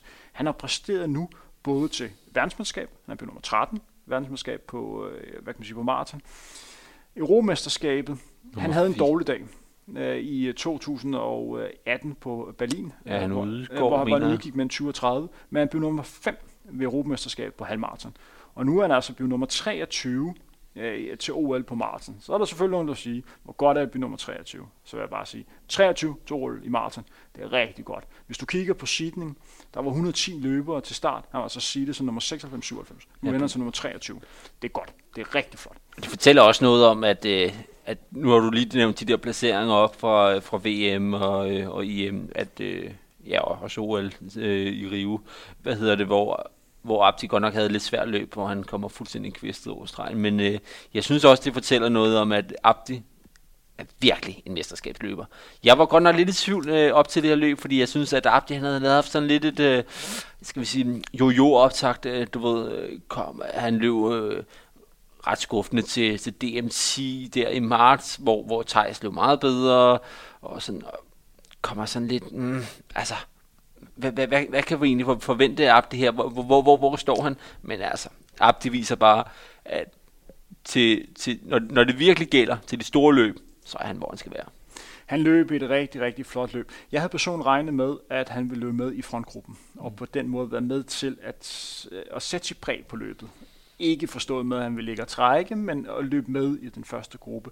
Der valgte han klogeligt at ligge ned i det, man kalder gruppe 2, øh, som viste sig at være et rigtig godt valg, fordi han, han virker som en løber, som øh, løber kontrolleret hele vejen igennem under de her svære forhold. Det man også kan se, det er, at løberne typisk ligger og løber, dem der sådan nogenlunde rammer dagen, ligger og løber mellem øh, 6 til 8 minutter for deres personrekorder. Øh, Abdi har en personrekord på, på 2.11, øh, hvad kan man sige, 0,3 og ender altså i 2.15.50. Så jeg vil faktisk gå så langt at sige, at han præsterer lidt over det, man kan forvente ud fra hans, ud fra hans PR. Han løber et rigtig, rigtig godt mesterskabsløb. Han er øh, 7 minutter og 17 efter øh, Kipchoge, men Kipchoge var en liga for sig selv. Så nummer 23, rigtig flot øh, løbet. Det er ærgerligt, at den her løb ikke har fået større anerkendelse, end det har gjort i danske medier. Der er sikkert en del forklaringer på det. En af forklaringerne er, har garanteret været, at vi ligger på den sidste dag ved OL. Man er i gang med at, at pakke øh, mediegradet ned. Og så det faktum, at løbet bliver afviklet 800 km fra OL-byen. Og så også det faktum, at løbet blev afviklet midt om natten dansk tid, hvor der var nogle af atletikkonkurrencerne, som blev løbet om, øh, om morgenen og om formiddagen. Og det gør altså et eller andet for både for, for, for seerantal, men også for mediernes dækning. Altså, der bliver bare skrevet mere om det, når det sker sådan i vores, skal vi sige, vågne tid. Og så har vi den anden danske løber, øh, Thijs, som har et, det man godt kalde et hårdt løb. Han ender som nummer 70 i 2.26.59. Han får lige klemt under de her øh, 2.27. Der er 76 løber, der kommer i mål ud af 110, og øh, altså Thijs ender som nummer 70. Først og fremmest er der vel det at sige, at det er rigtig godt, at Thijs kommer igennem. Ja, det vil jeg også sige, ja. Og, og så vil jeg sige, at der vil garanteret nogen, der vil sige, at, at Thijs underpresterer lidt. Ja. Jeg er overbevist om, at Thijs havde håbet på mere. Men så længe man placerer sig bedre end sin sidning, så vil jeg simpelthen ikke acceptere, at man går og snakker om, at det her det er et dårligt løb. Han er seedet som nummer 93 og ender som nummer 70. 23 placeringer bedre end hans seedning. Så, så altså, man kunne håbe på mere. Men grundlæggende synes jeg, at han har gjort det godt, og jeg synes, det er rigtig flot, at han får kæmpet sig igennem under det, som var et svært løb under meget vanskelige forhold. Men jeg vil også sige, at jeg tror også, at jeg er enig i, at han rammer simpelthen bare ikke dagen. Desværre. Det kan, være, det kan være fuldstændig enig i, men når man kommer igennem, og man, når man løber ja, ja. bedre end sin sidning, så synes jeg stadigvæk, at man har gjort et hederligt resultat. Altså pilen peger opad, og man har mulighed for at kunne præstere endnu bedre, fordi selvfølgelig er der ikke øh, omkring 10 minutter, eller over 10 minutter, men Abdi og Thijs. Nej. Det er der ikke. Altså, øh, så, så der er jo noget at hente. Der er jo ting, man kan arbejde med. Thijs har problemer med maven undervejs. Han har, der var også nogle, nogle væskepoter, der ikke sad, øh, sad i skabet. Der har også været noget i optakten, måske ikke som helt øh, har fungeret. Øh, jeg tror, Thijs lærte meget af det her maratonløb. Hvis man kigger på Thijs' maratonkarriere, så har han indtil videre kun haft maratonløb, hvor tingene har spillet. Han har jo ikke haft et dårligt maratonløb indtil videre. Nej, altså han har haft lidt um, problemer med maven, det har han jo haft før, jo, kan man sige. Det har han haft før, men generelt har tingene spillet for ham på maraton. Ja, så var der hans første maraton, hvor at han virkelig, virkelig ville blive træt til sidst der i Odense. Øh, Men kommer stadigvæk hjem i en ganske flot debuttid. Jeg tror, det var sådan 218. Han 219, ja. 219.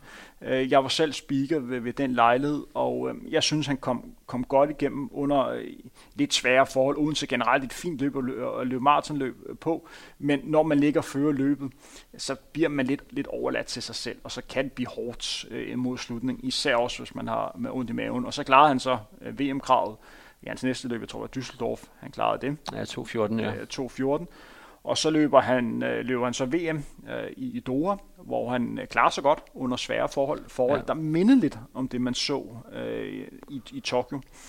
Og så satte han så, øh, satte han så PR, øh, hvad kan man sige, i Sevilla, øh, hvor han øh, løb de her 2.10.57. Og så løb han så øh, Valencia, løb han så 2.11 nogen 20, og endnu en gang kom under... 2.11.30? Var det to? Eller var det 2.11.29, jeg tror jeg? 2, 2, 11, Fordi han kom, kom lige under, under 2 eller 2.11.30. Eller også løb han, jeg tror faktisk, han løb lige på OL, øh, øh lige på OL og VM-krav, som er 2.11. Så jeg mener faktisk, han løb 2.11.30 præcis, og det er... Men under alle omstændigheder, så er det altså efter et løb, hvor han gik efter en dansk rekord. Ja. Øh, så, så, altså, så, så, så det har været et løb, hvor han har præsteret ganske fornuftigt. Og så får han så et løb her, der måske ikke sidder helt i skabet, men kommer igennem. Og, og hvis der en ting er fast, det er ikke fedt at udgå til mesterskabet. Nej. Det er det bare ikke. Og det var der virkelig mange, der gjorde. Det var der rigtig mange, der gjorde. Altså, det var et, et, et brutalt løb at se. Altså, ud af 110 startende, eller kun 76, der kommer igennem, det er en stor procentdel, som ja, udgår. Det må man og det var bare en massakre. Jeg har været med i de her varme mesterskabsløb. Det er voldsomt ubehageligt og, og, leve, og, og løbe og koge undervejs. En løber, som også kogte lidt undervejs, det var franskmand, Aprodin. Vi snakker om en løber, som stiller op på mændenes 10.000 meter. Der var han jo med. Og så er han jo også tidligere europamester, eller han er europamester på, på selv samme 10.000 meter Han løb jo så også maraton. Det er en løber, som har løbet under time på halvmarathon. Det gjorde han ved verdensmesterskabet i, i Polen. Og nu er han med. Og efter 25 km, hvor han ligger i frontgruppen, der skal han til at viske. Og så ser man bare, at han vælter samtlige dunke foran sig, inden den sidste dunk, han så tager op og løber videre. Da du så det klip, Søren, hvad tænkte du så?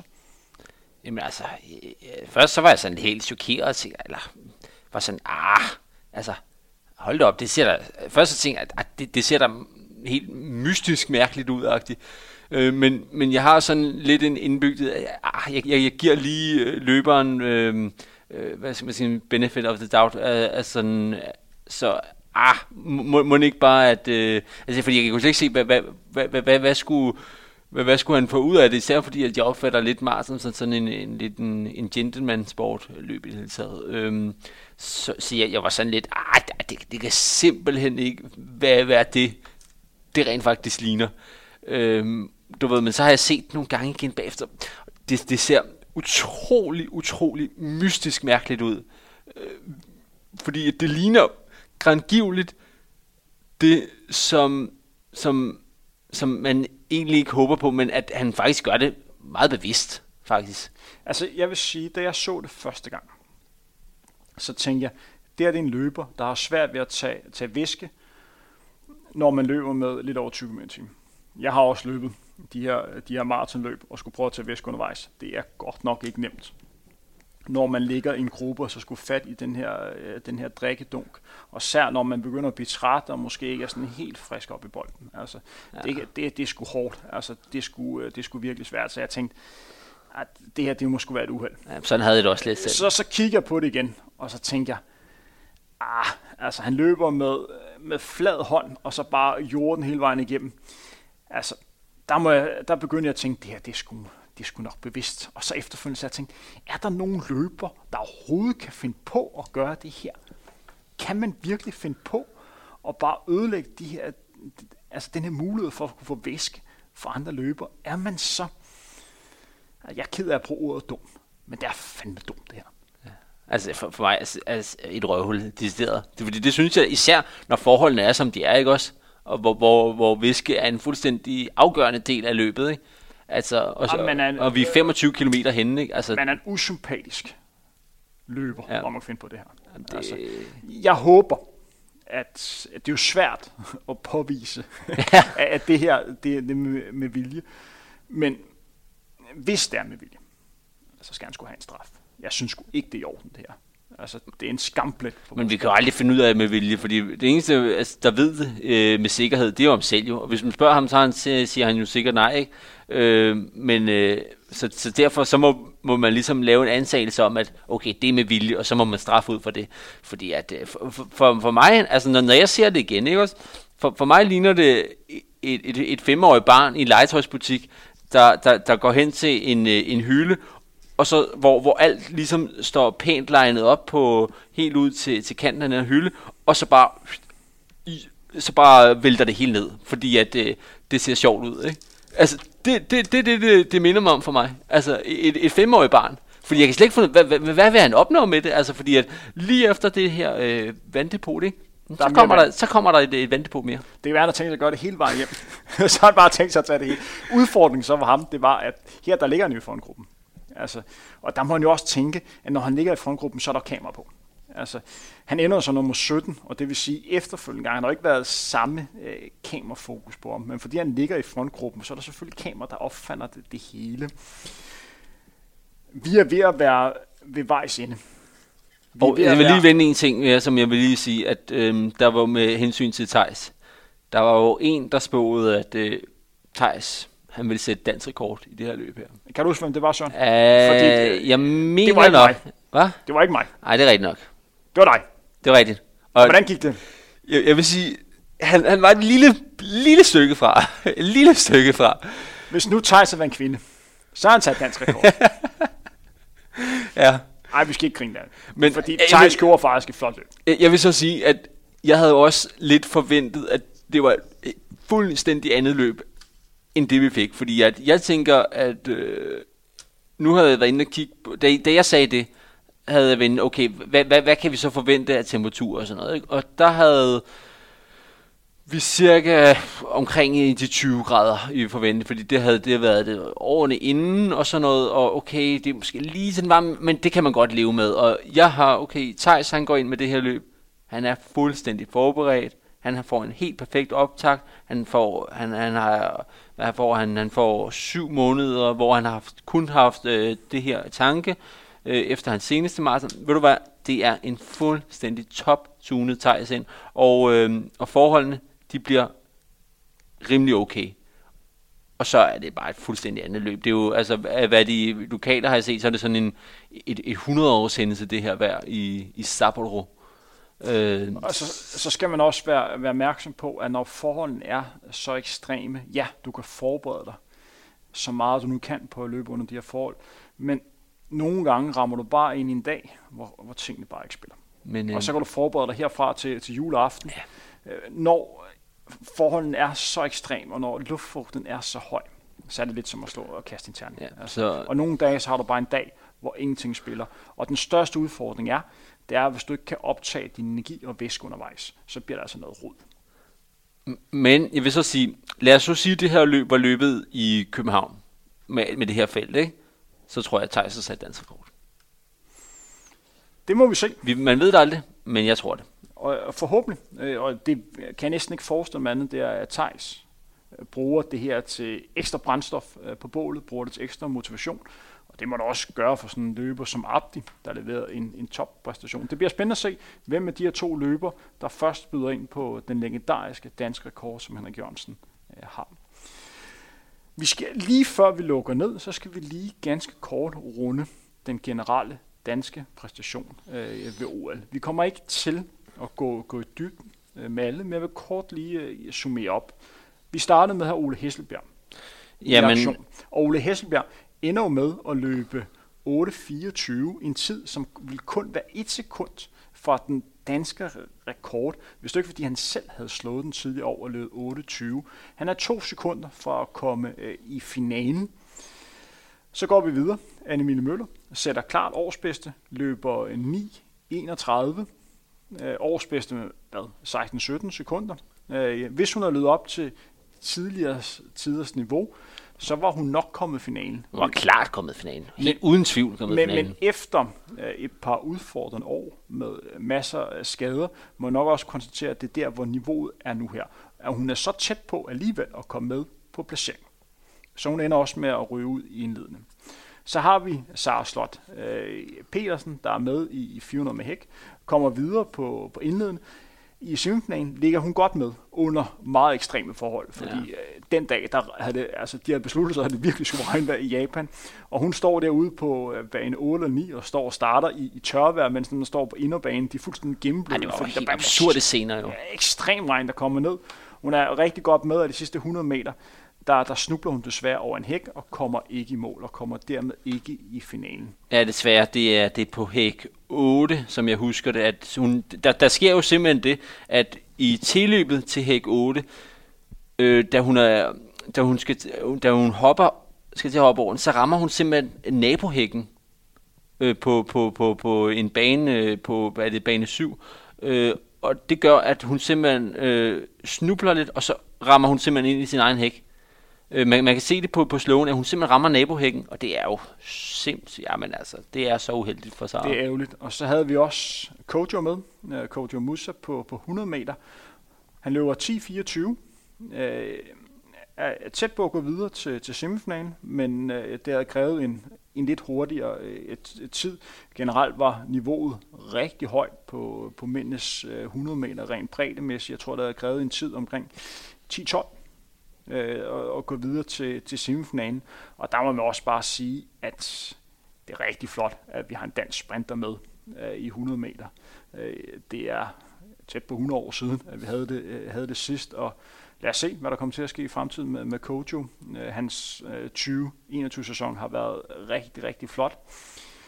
Så går vi så videre, så havde vi så to stafethold Ja. i, i aktion, som begge to sætter flotte, nye danske rekorder. Øh, kvinderne er ender som nummer 14, og, øh, og mændene, der næsten sætter dansk rekord med et sekund, ender på, på en 10. plads. Og det vil, og det vil sige, at er relativt tæt på alligevel øh, at komme i finalen. Jeg vil sige, at, øh, at, at mændene står for mig som måske den største danske version. Det er dem eller Thijs. Så var de kommet i finalen, så var det helt sikkert dem. Øhm, og det, det er jo lidt sjovt, fordi at de kommer jo ind til det her OL, hvor at de er en, var det en tusindedel eller sådan noget øh, foran øh, Ukraine til det her stafet-VM øh, øhm, i, i Polen, som er deres billet ind til, øh, til, øh, til lejene her. Men altså, de overgår jo kæmpe, altså, fordi at kvinderne har jo i nogle år haft den der, at det var jo ligesom, det var jo ligesom dem, der havde øh, det der stafet ting, ikke? Men altså, øh, nu, nu er mændene jo ikke bare med, men de har jo de steder overtaget kvindernes altså, øh, øh, førende rolle, fordi at, at, at herrerne er jo relativt langt, langt, langt tættere på ja, både en finale, men også de bedste, end, end, end kvinderne er. Og, og kvinderne sætter dansekort til så det er ikke fordi, men de er simpelthen bare fuldstændig blevet overhældet af herrerne. Det må man sige, og bare det med og øh, løb op med USA, der stiller op med rigtig godt øh, stafet. Mm. Vi har fire løber med for USA, der alle sammen løb 99 eller hurtigere. Mm. Og dem løber de altså lige op med. Og så har vi så øh, mændenes maratonløb, hvor vi nævnte Thijs by nummer 70 og Abdi by nummer 23. Inden OL var den danske målsætning, dansk atletik målsætning, at vi skulle have en finalplads. Det lykkedes ikke. Vi kigger tilbage på et øh, mesterskab, hvor vi får to danske rekorder. I øh, to gange stafetløb. Finalepladsen øh, kom ikke, og det skyldes i høj grad små tilfældigheder. Vi var uheldige i forhold til Sara Slot, som måske godt kunne komme i finalen. Det så, det så ud som om, hun var ved at være der i semifinalen mm. på 400 meter. Vi Helt. var også uheldige med, med herrenes stafet. Havde de været i det andet heat, så kunne det også have været. Det, det er uheldigt, hvilket heat så man var det også kommet. Og så må man også bare konstatere, at det er svært at gøre, gøre noget mod i forhold, til, øh, i forhold til skader, men hvis Anne ikke har været skadet, så har hun med garanti også været i finalen. Fordi en ting, man kan være sikker på med Anne- Anne-Emilie Møller, det er, at hun ligger 100% og mere til, når hun er i aktion. Jeg vil godt sige, at havde Anne-Emilie ikke været skadet op til øh, de sidste halvandet år, ikke? så har der ligget en medalje til hende. Det tror jeg simpelthen på. Det er Fordi det, at øh, det, altså, med, med det niveau, hun viste til, til VM i Doha, ikke? Hun har taget medalje. Det Det- tror jeg simpelthen på. jeg er ikke helt afvisende. Øh, Det er en speciel løber, en af de største løbetalenter, vi nogensinde har haft her- herhjemme, og hendes 2019-sæson var helt, helt øh, ekstrem øh, god. Og så har vi Ole Hesselbjerg, hvor jeg vil faktisk sige, at jeg har snakket med, med Ole om det her, og Oles største udfordring i det her løb var nok, at det første gang, han har stået i et stort internationalt mesterskab, hvor han rent faktisk har følt, at han kunne være med. Så han står med en opfattelse efterfølgende, ej, jeg har sgu mere i posen. Og det er altså noget, man skal, man skal lære og håndtere sig til. Han har før været med, men der har han måske mere blivet overrasket over, hvor gode de andre var. Her gik det op for ham. Jamen, de løber ikke hurtigere, end jeg kan være med. Så det handler noget om det med at ture og lægge sig frem i feltet. Ture og lægge sig derop, hvor man er endnu mere risikozone for at blive skubbet og, og blive udsat øh, for styrt.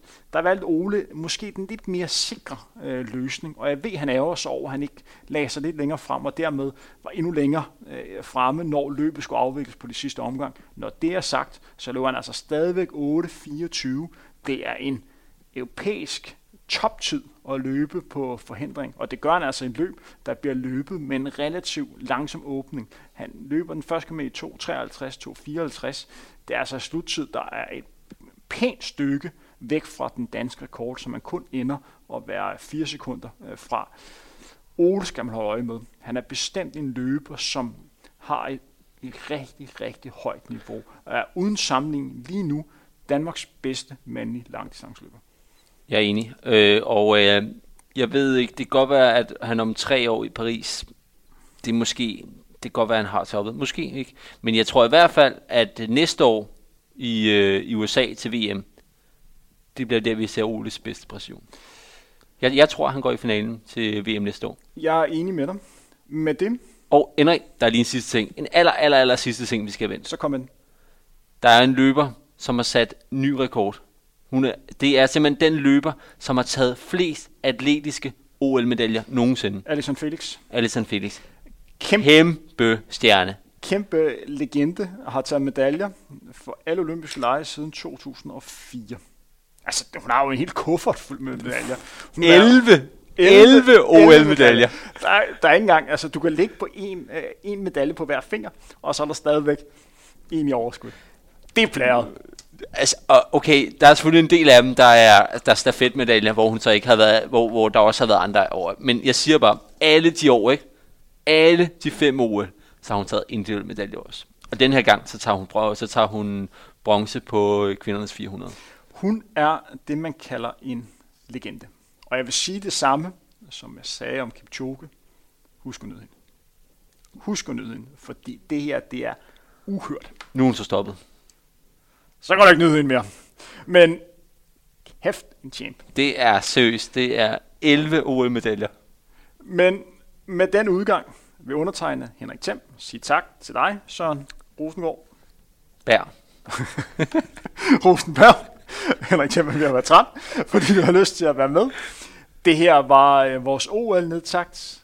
Det her var Frontrunner. Vi høres ved igen inden længe.